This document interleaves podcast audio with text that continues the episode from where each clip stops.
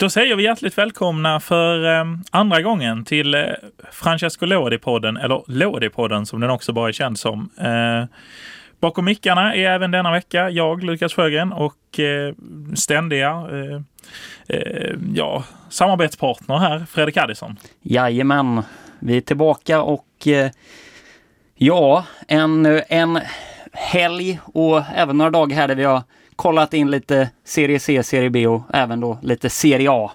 Precis, och förra veckan var det ju eh, premiäravsnitt och vi, eh, ja, vi fick ju en flygande start, i varje fall med våra mått mätt. Det blev eh, Folk lyssnade, bara en sån sak. Det är vi väldigt glada för. Det var, väldigt glada för det. Um, och för er som undrar om ska det bara komma på Svenska fans? Naturligtvis är det vår huvudplattform, men numera så finns vi även på Spotify, iTunes och Acast och då får vi väl också säga de berömda orden att vi finns där poddar finns helt enkelt. Ja, det är så fint att kunna säga det. Alltså, det är härligt och som sagt, eh, lyssnar ni inte bara på Svenska fans så vet ni att eh, ja, ni kan ju hitta oss på Spotify, kanske efter när ni har lyssnat på någon låt eller efter ni varit inne på iTunes och lyssnat på eh, någon annan härlig podd. Så kan ni söka upp oss där också.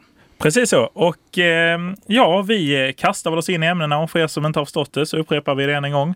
Det vi är podden om CEC, CB och lite Serie A. Och eh, vi heter ju Francesco Lodi. Det har vi tagit tidigare och då kastar vi oss in i Catanias resultat direkt. Som torskar mot Monopoly. Torska på klacken mot eh, Monopoly eh, 4-2 och inga mål av eh, av lådor den här helgen och det gör jag, det gör jag såklart lite ledsna. Eh, det var en, en match där Catania vände, gick upp i 2-1 ledning efter ett extremt snöpligt självmål. Eh, men Monopoly tog det sedan i egna händer och vann matchen till slut med 4-2 där i, på en plan som du inte riktigt uppskattade.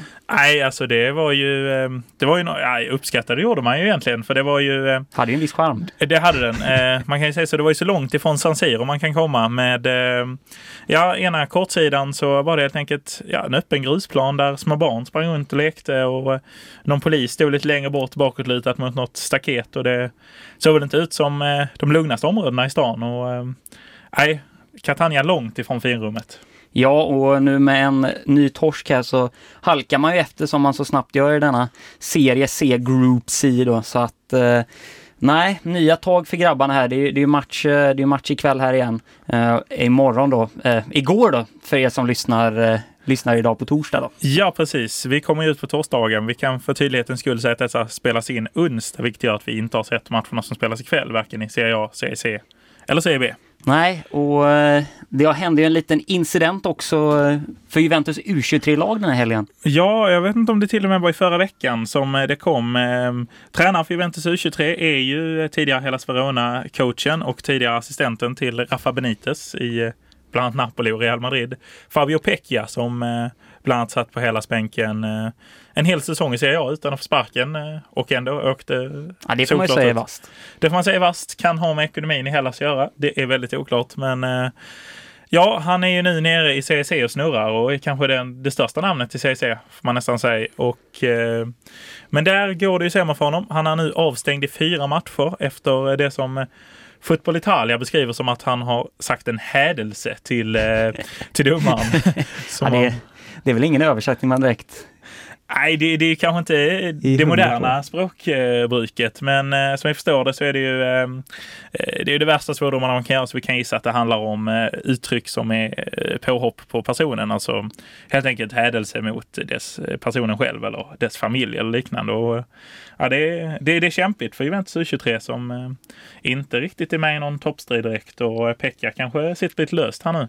Mm, nej, det, det gäller att få in de här poängen fort och när eh, ens huvudcoach på det sättet gör en sån grej och, och hamnar eh, i strålkastarljuset av helt fel anledningar så, så blir det inte enklare kanske för laget att, att motivera sig. Men man har ju Nordkoreanen på topp som man för deras del får hoppas öser in mål. Ja, precis. Och så hade man även någon anfallare som man har plockat från Virtus. En tälla, va? Ja, gamla goa Virtus. Virtus. Eller är de så goa? Jag vet inte fasen. Men eh, hur som helst, eh, jag tänker att vi ska snacka lite här om eh, en match som utspelar sig också i Karpim, där mellan Karpi och Rimini. Eh, ja, vi har lagt ut ett Youtube, eller ett klipp då från matchen där vi bland annat får se en hysterisk tackling. Gå in och kolla på Lådepoddens Instagram. Följ oss förresten, det, det, tycker jag. Vi finns även på Facebook och Jaha, Twitter. Twitter. Ja, Facebook har mm. vi väl inte riktigt lanserat sådär fullt ut, men vi, vi finns även på Facebook mm. kan vi vara tydliga med. Vi ja. hoppas någon vill gilla oss där i varje fall. Och Twitter finns vi på. Det är kanske Twitter och Instagram som kommer gå hetast. Ja, det är väl det. Det vill jag sikta på i alla fall. Men hur som helst en match som Carpi vann med 2-1 mot Rimini och där, eh, där upptäckte vi att eh, CRC de tillåter faktiskt fem byten i matcherna, vilket eh, vi inte tidigare var helt medvetna om. Och det här är ju ett påhitt som det italienska seriesystemet eh, ofta bjuder på. Vi har ju sett något liknande exempel med gröna kort för fair play och liknande tidigare och, och nu även då alltså att man får göra fem byten. Från säsongen 2017, 2018 var det som man ja. införde det här.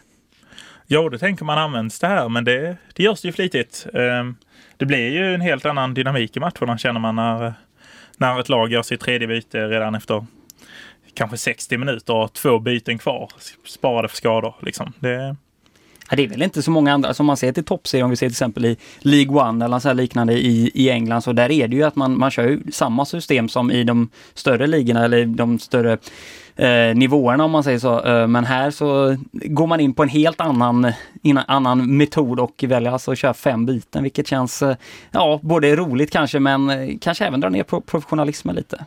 Ja, det är väl väldigt eh, oklart. Men det är väl också hela det italienska systemet, Ursäkta mig. Eh, men eh, vi får väl se. Det är väl samma som bestämmelserna i, eh, i Serie B angående hur gamla spelarna får vara och så. Det är ju ingen annan eh, andra liga som har de kraven på sina klubbar. Nej, så är det inte. Och Carpe som sagt med, med tre nya poäng och eh, fortsätter sitt sin resa tillbaka då mot eh, Serie B. Eh, Monza för övrigt har eh, börjat riktigt starkt med en gammal eh, Milan-legendar på tränarbänken. Ja men precis, Christian Brocchi eh, styr ju den skutan och det är full pott efter de inledande, är det fem eller sex omgångarna som de har lirat. Och eh, ja, det ser ju riktigt bra ut för eh, Brocchi-gubben som ju har en kul tränarkarriär får man ju säga efter att han eh, hade Milans Primavera och fick upp och snurra en liten, liten stund i A-laget för att sedan eh, misslyckas i Brescia och eh, sedan hamna som assistent till Lippi.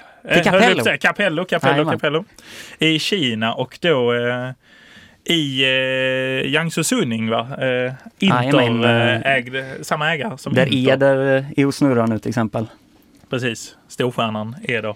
Ja, äh, gjorde ju sina mål dock, ska ju sägas. Men, men exakt, ja, det var även han. Samp, det var ju där man hämtade in också, han Trent Sainsbury. Men i alla fall, Monza går ju som tåget. Där hittar vi även eh, Serie A-bekantingar som eh, Eugenio, Eugenio Lamana, gamla Genoa-målvakten, ursäkta för uttalet där. Och även gamla Palermo-backen, Bellucci. Ja, just det. Bellucci är fin och eh, Alamanna känner man ju verkligen igen mm. namnmässigt. Eh, sen så kvaliteten på honom kan väl alltid diskuteras, men eh, Ja, jag... Känslan var ju inte att det var Serie C på honom. Nej, fick ju stå ganska mycket där för tre säsonger sedan när Perin gick skadad och, gjorde det bra tycker jag faktiskt. Eh, men spännande att se vad som kan hända med Monza. Det tänker man ju mest på racing egentligen och sånt. Kanske inte så jäkla mycket... Monza-banan, det är... Ehm, Fotboll här. Nej, men det är ju kul att de även kan ha det och att eh, Christian Brocchi är där. Och, um, nämnde här innan med La Manna så nämnde du eh, Mattia Perin. Det är också ett sorgligt fotbollsöde i mångt och mycket denna sommar för honom när Buffon hämtas in till Juventus och han eh, ska skeppas till Lissabon men de upptäcker något oklart.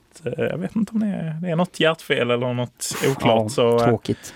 Ja, nu vet man inte riktigt vad som händer. Han sitter väl i Juventus som fjärdemålvakt bakom Pinsoglio. Men det... Ja, det är ju verkligen en spelare som alltid haft potential men som aldrig riktigt fått ut det där sista av det och, och när han tog steget till Juve så kände sig väl lite högt kanske för att vara första målvakt men eh, i ett lag som ett lag i den undre halvan eller i alla fall mittenskiktet av Serie A borde ju absolut passa Perin. Och Lissabon som du säger, det har varit ja, perfekt precis. lösning faktiskt. Ja, och jag tänkte när han gick till Juve att han åtminstone, visserligen som andra slips, men ändå kunnat uh, utmana lite då och då som första målvakt och uh, få chansen i, uh, i Serie A när man roterar och så. Men när han väl stod så var det ju inga större insatser i Juventus. Och det mesta man kommer ihåg ifrån det är när han eh, skulle efter varje hörna och varje gång det var frispark slå de här dobbarna tio gångerna i, eh, i Lite eh, Kim stolpen. Kristensen i IFK Göteborg på det. Ja, precis. Det var väldigt mycket tics på den gubben. Mm. Uh, sen känner man inte igen honom efter att han klippte sig heller. Nej, just det. Fick en lite ny look där, men i alla fall Serie C och Serie B lär vi väl inte se honom i nej, inom nej, kort. Nej, det gör vi inte. Vi kanske ska återvända dit och uh, Monza, det var ju ändå uh, Brocchi där vi började. Men de går rent och det är ju det är kul för dem. Det är kul, och det är väldigt starkt i en serie som Serie C där det är, där det är hårda matcher och det är, det är ett tajt spelschema och många, många resor. Så visst, det är indelat i grupper och som ni, som ni säkert vet eh, så är ju serien indelad utifrån eh, geografisk eh, härkomst. Då. Så lagen från den södra, södra delen möter lag från den södra delen och lag från norr möter lag därmed A, B, C där A börjar från norr då, och C längst ner. Därmed att vi finner Catania då i eh, i grupp C helt enkelt. Nej men precis. Och, um... Ja, det blir kul att följa Monza, men vi ska väl också ha klart för oss att det är över 32 matcher kvar på säsongen. Ja, det är sjukt mycket kvar. Och sen väntar världens längsta kval. Ja, kval, upp, kval Om man inte tar första platsen vill säga. Men, eh, Nej, det är, ja, det är ju det. det är ju det. Och kval upp till Serie B då. Och jag tänkte vi skulle kanske gå över lite där till Serie B och istället snacka om kvalet upp till Serie A från Serie B. Som mm. Eh, jag i alla fall varje vår och sommar alltid följer med, en, eh, med hög spänning och äh, det brukar bli några riktigt roliga matcher faktiskt där, äh, där ett lag till sist tar sig upp efter en äh, inte lika knepig process som serie, serie C. Nej, den är väl lite mer tydlig, men även den kan ju vara stökig på många sätt. Verkligen. Och det här playoffspelet, det infördes i säsongen 07-08 varför är jag inte helt hundra. Hur som helst så valde man att inför säsongen 07-08 införa detta playoff där eh, det första playoffet avgjordes mellan Lecce och Albin Oleffe. En, en historia som Lecce gick och vann med 2-1 vi fick se Lecce då i Serie A-säsongen eh, 08-09. Eh, Har något minne där av eh, den matchen eller Lecce där i säsongen 09? Det är väl... Snarare Lecce va, som man rent allmänt har minne av. Men mm. Dock kanske inte riktigt just den säsongen därefter, men man Lecce är ett lag man har mycket funderingar kring och härligt lag där, precis som många andra när de eh, på slutet ska försöka rädda sig kvar och inte lyckas. När man samlar ihop några gamla lirare liksom, från storklubbarna. Man får in Massimo liksom, och den typen av spelare. Det ryktades om Luca Toni där också säsongen 2012, men innan han hamnade i eller 2011-12 innan han hamnade i Al Nasr nere i, ja. i Dubai. Men eh, ja, det är väl det minnet jag har.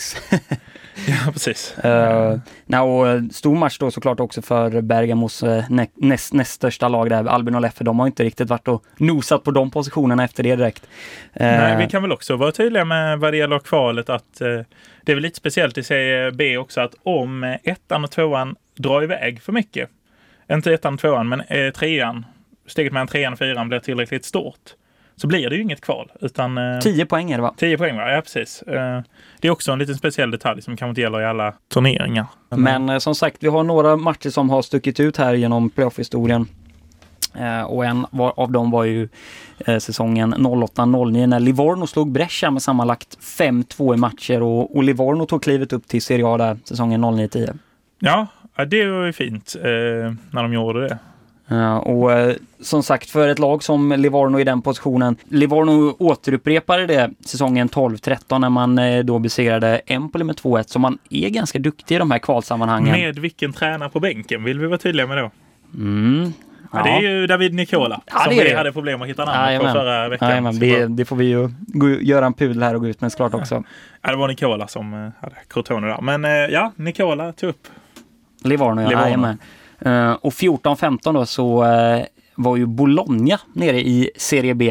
Eh, det, vi har ju haft några storheter från 10-talet som många som kanske inte följer den italienska fotbollen har tänkt, ja ah, men de här lagen är ju, de är ju, de är ju Serie A varje säsong. Till exempel Sampdoria var ju nere och Bologna har ju även varit nere uh, där säsongen 14-15. Och då gick man upp... Frippen hade spelat ur dem va? Jajamän, och då gick man upp via bortamål då mot uh, Pescara uh, på playoffet. Inte ens direktuppflyttning för Bologna. Nej, så det, så, och sen då säsongen 17-18, alltså inte det kvalet som var senast här utan året innan dess då Frosinone vände och vann mot Palermo. Man, man förlorade alltså första matchen på La Favorita med 2-1.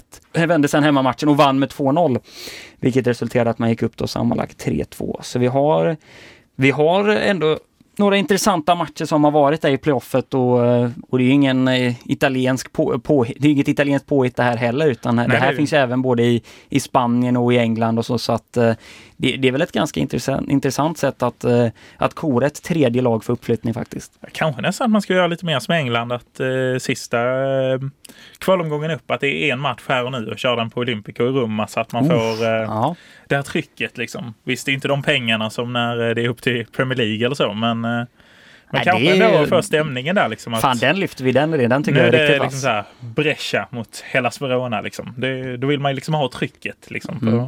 Ja, de är alltid väldigt fina där. Men mm. ja, och det, det, kan man ju faktiskt se nu. Vi såg ju Atalanta-Lazio i cupfinalen där eh, nästan hela, hela staden Atalanta, Bergamo tog sig då till Olympico och verkligen fyllde arenan. Så att jag menar, det är klart att även för de här mindre lagen, provinsklubbarna och, och så sätt eh, att de ändå skulle kunna fylla Olympico. Det är, det är fullt möjligt tror jag i alla fall. Oh ja, nej men absolut. Och det finns ju mindre arenor också som skulle, men att det just läggs på ett ställe och här och nu och så. Mm. Nej men det är väl bra. Följande segment om Hellas Verona är inkorrekt. Tränare under playoffperioden var Alfredo Agiletti. Cesars nuvarande anställning är oklar, men han var assisterande till Agiletti under playoffperioden i våras. Mm. Uh, tänker att vi ska också dra en uh, dra en liten pudel också från förra veckan när vi inte hittade en viss tränare och det var också en tränare som vi redan har nämnt här då. Ja just det, har vi nämnt han? Nej det har vi tyvärr inte, nej ursäkta. Nej, han är fortfarande icke omnämnd. vi diskuterar mannen som eh, styrde upp hela Verona i mm. Eh, Serie A efter att Fabio Grosso fått sparken och nu Ivan Juric tagit över. Men eh, mannen ja. däremellan, du har ja, det, var, ja, det var en, brass, en brasse då vid namn Cesar då som fick hoppa in här tidigare jobbat med med U23-laget sånt. Så att nu, nu fick han hoppa in där och föra laget till, till Serie A då och sen blev det direkt tillbaka till gamla arbetet där. Så att, eh, det, var ingen, det var ingen lång session som huvudtränare men en, en minnesvärd i alla fall. Ja det får man ju säga och eh, man känner ju lite att eh, eh, skulle, nu har det visserligen sett hyfsat ut här för eh, Hellas och Ivan Juric mannar, men eh, skulle det börja brinna i knutarna så vet de ju att de har ju en eh, toppgubbe där i Cesar. Mm. Sista sex matcherna kanske han skulle kunna gå rent eller någonting sånt. Det, Cesar känner jag mm. direkt. Mm. Det, det är min gubbe. Bli inte förvånad om han hoppar in kanske och, och får ta över efter Juric eller kanske ännu senare som du säger. Vi får la se vad som händer. Blir inte heller förvånad om de istället skulle välja någon väldigt trött, typ eh, Ventura eller liknande som kliver in. Del Nere hade varit varit Del Nere. Fast han skulle ju, han klarar inte det sist, men eh, Mandolini tillbaka mm. kanske på mm. Verona-bänken hade ju varit något. Eh, men äh, vi styr väl oss vidare just genom Serie B och där vi har ett svenskt mål vi har ett svenskt i helgen. Mål. Vi har ett svenskt mål. Ja, det är inte vem som helst. Det är mannen som vi i förra avsnittet hängde ut som något av vi skulle kunna kalla lite sugen på pengar mm. eller som man i lite mer grova sammanhang skulle kunna kalla pengakåt. Men eh, han heter Samuel. Och, ja. och han gör ju uppenbarligen mål och avgjorde sent här mot Cosenza i 93 minuten efter en hörna och ja, Benevento går riktigt starkt med Pippo vid roret så att eh, ja, Ja, Samuel Armentero ska vi då vara tydliga med, är den som mm, exakt, nickar in den, inte bara Samuel så ni går runt här och funderar vem fan är det, Val som... är det Walter Samuel som har nickat in en boll? Nej, men det... Nej, och det är ju eh, det är ju eh, för sitt Benevento och det är mm. Pippo Inzaghi som tränar dem. Ja, och det, och det är ju inte ofta utan att, utan att man tänker på den där historiska säsongen när Benevento var uppe och, och, och gick så dåligt. Och och hade sådana otroliga problem. Men, eh, men ett mål som gjorde den säsongen var ju verkligen spektakulärt och det var ju det mot Milan hemma. Ja, just det. Brignoli där va? Mm, eh, Juventus-lånet, eh, keepern som Ja, han är otroligt Gattusos första match och det ser ut att bli en knapp seger och hyfsad start ändå för den gode Gennaro. Men sen så så kliver han in ju då, Brignoli på hörna i sista minuten. Eh, kommer ihåg jag satt och såg där och tänkte, vad fan ska man se på Benevento? Lunchmatch var det, Ja, lunchmatch, ja mm. precis. Man, man, tänkte, vad fan gör man här ens? Mm. Men eh, så kommer den där nicken och eh, det var väl De Serbi på bänken som var ny också i Benevento. den eh, nuvarande Sassuolo-tränaren. Men eh, det var otrolig nick av Brignoli. Ni som inte har sett det kan ju googla upp det och eh, Ja, det, det är ju ett av de härligaste målen. Eh, I, Verkligen. Och det, Benevento hade en ganska, ganska miserabel säsong uppe i mm. Serie A, men det där målet eh, ja. gjorde nog i alla fall många glada. Ja, bra tryck också på stadion hela mm. säsongen, mm. får man ge dem. Eh, men eh, vi... De flygande häxorna. Ja, precis. De flygande häxorna. Ja, precis. ja, det är ju ett otroligt namn. Mm. Men en annan svensk vi har i Serie B är ju Gustavsson. Mm. Fortsatt svårt att få speltid. Mm fortsatt status på Gustafsson är också, den är också oklar så att säga. Uh, men, men han kämpar på i alla fall och ja, nej, Cremonese. Vi får se. Cremonese, ja. Hur de, hur de jobb, jobbar på här utan Gustafsson men tro, trots är det väl att man kan klara sig utan honom. Han, han har ju som sagt inte varit i, i, i någon vidare hetluft på många säsonger nu så att uh, men det är väl en bra spelare att få igång såklart och det är alltid kul när, när svenskarna går lite, går, går bra. Precis. Mm. Sist och inte minst här från eh, Serie B den här veckan så eh, spelades det en match mellan Crotone och Juvestabia där eh, Crotone gick vinnande ur den matchen med slutsiffrorna 2-0 och där gamle supertalangen eh, Pescara-liraren, för detta Pescara-liraren Ahmad, Ahmad Benali avgjorde matchen. Och eh, lite roligt i Crotone som kanske inte alla vet är ju att vi har gamla goa Maxi Lopez där. Ja men precis, Maxi Lopez, fina fina Maxi Lopez med eh, Ja, från början så var han väl känd för sin fotbollstalang och kom väl fram i Barcelona från början och Catania sen och sen så är ni säkert många som känner till Icardi-storyn och eh, Vanda Nara och hela gänget där. Det är mycket härligt och mycket spännande kring Maxi Lopez, men det är kul att han är på plan också och mm. spelar lite fotboll. Härligt, härligt att se han i, i Serie B och att han, att han fortfarande hänger i.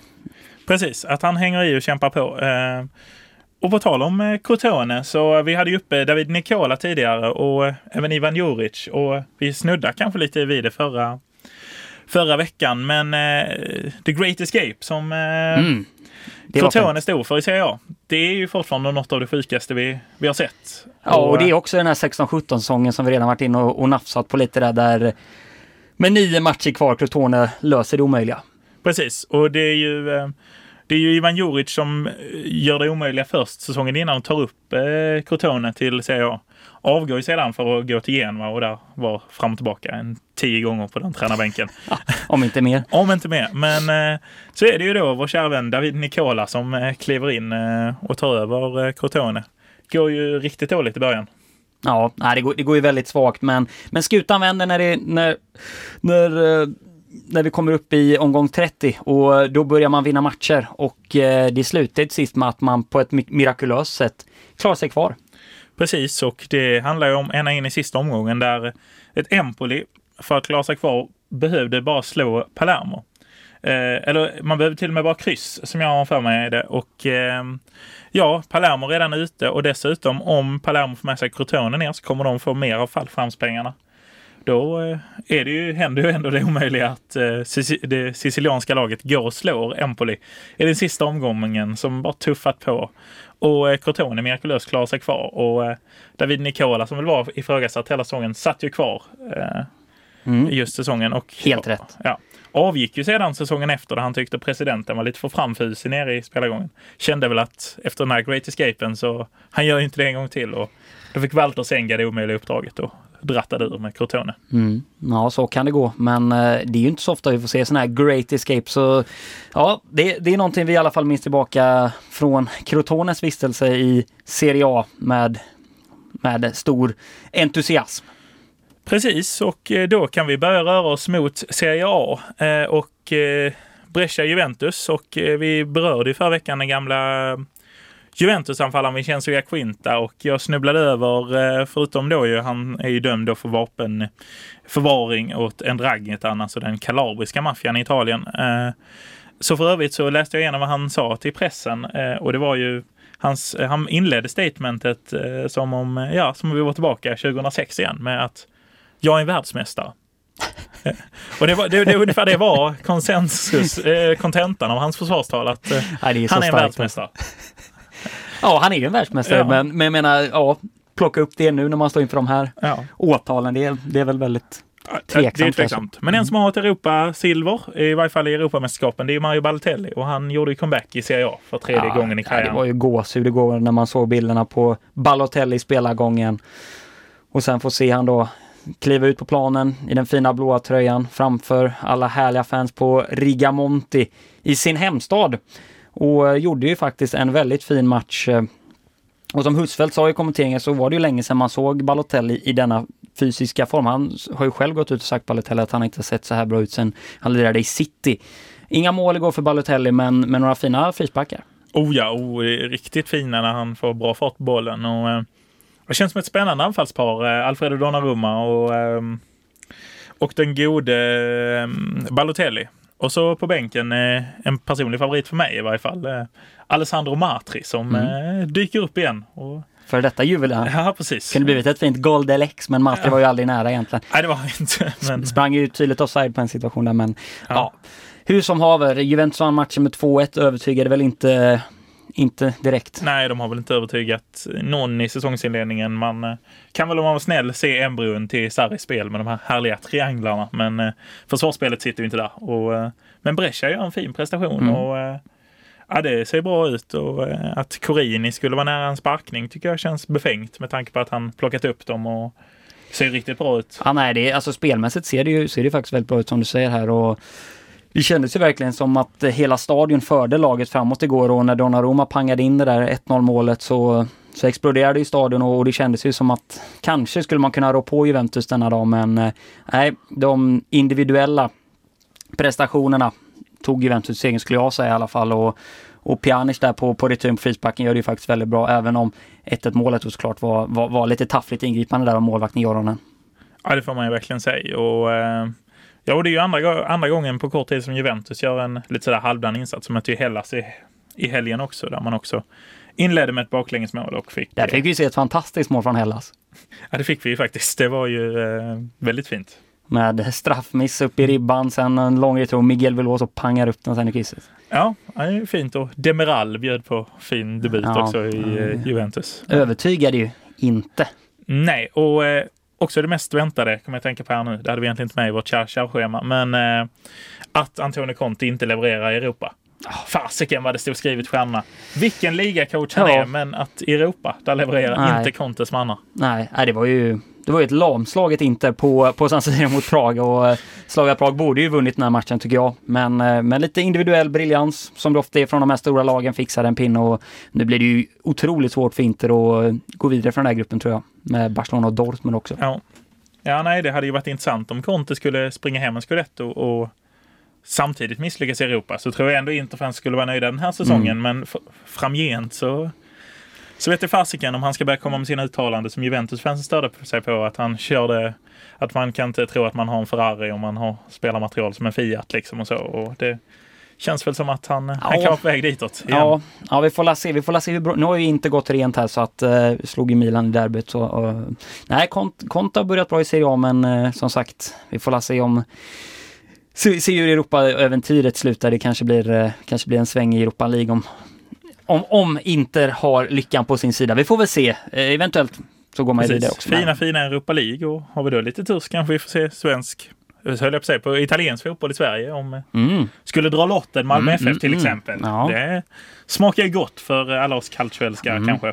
Ja, det är... eh, ska väl då vara tydlig med att mina sympatier inte är Interhörnan i det läget. Men eh, eh, absolut. Men kan, kan ju nästan ångra det om vi bara, bara ska flika in det i det sista. När jag kommer ihåg när, jag tror det var BP som hade vunnit något form av eh, Fairplay-pris här i Sverige och fick möta Torino. Torino.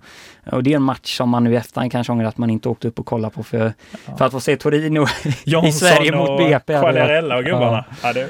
Nej, det, det är synd att vi inte delar ut de här Fairplay-priserna längre så sett. Men eh, ja, vi får se om vi får se någon Calcio i Sverige. Vi, vi kan alltid hålla tummarna i alla fall. Vi håller alltid tummarna och eh, vi håller tummarna att vi eh, kommer ut även nästa vecka. Mm. För det här var avsnitt eh, två av eh, Francesco Lodi-podden. Och eh, Ja, vi tackar för att ni har lyssnat. Vi finns på sociala medier nu, även på Facebook, Twitter och Instagram. Ni får gärna skapa lite drag i, i grejerna där. Uppskattas.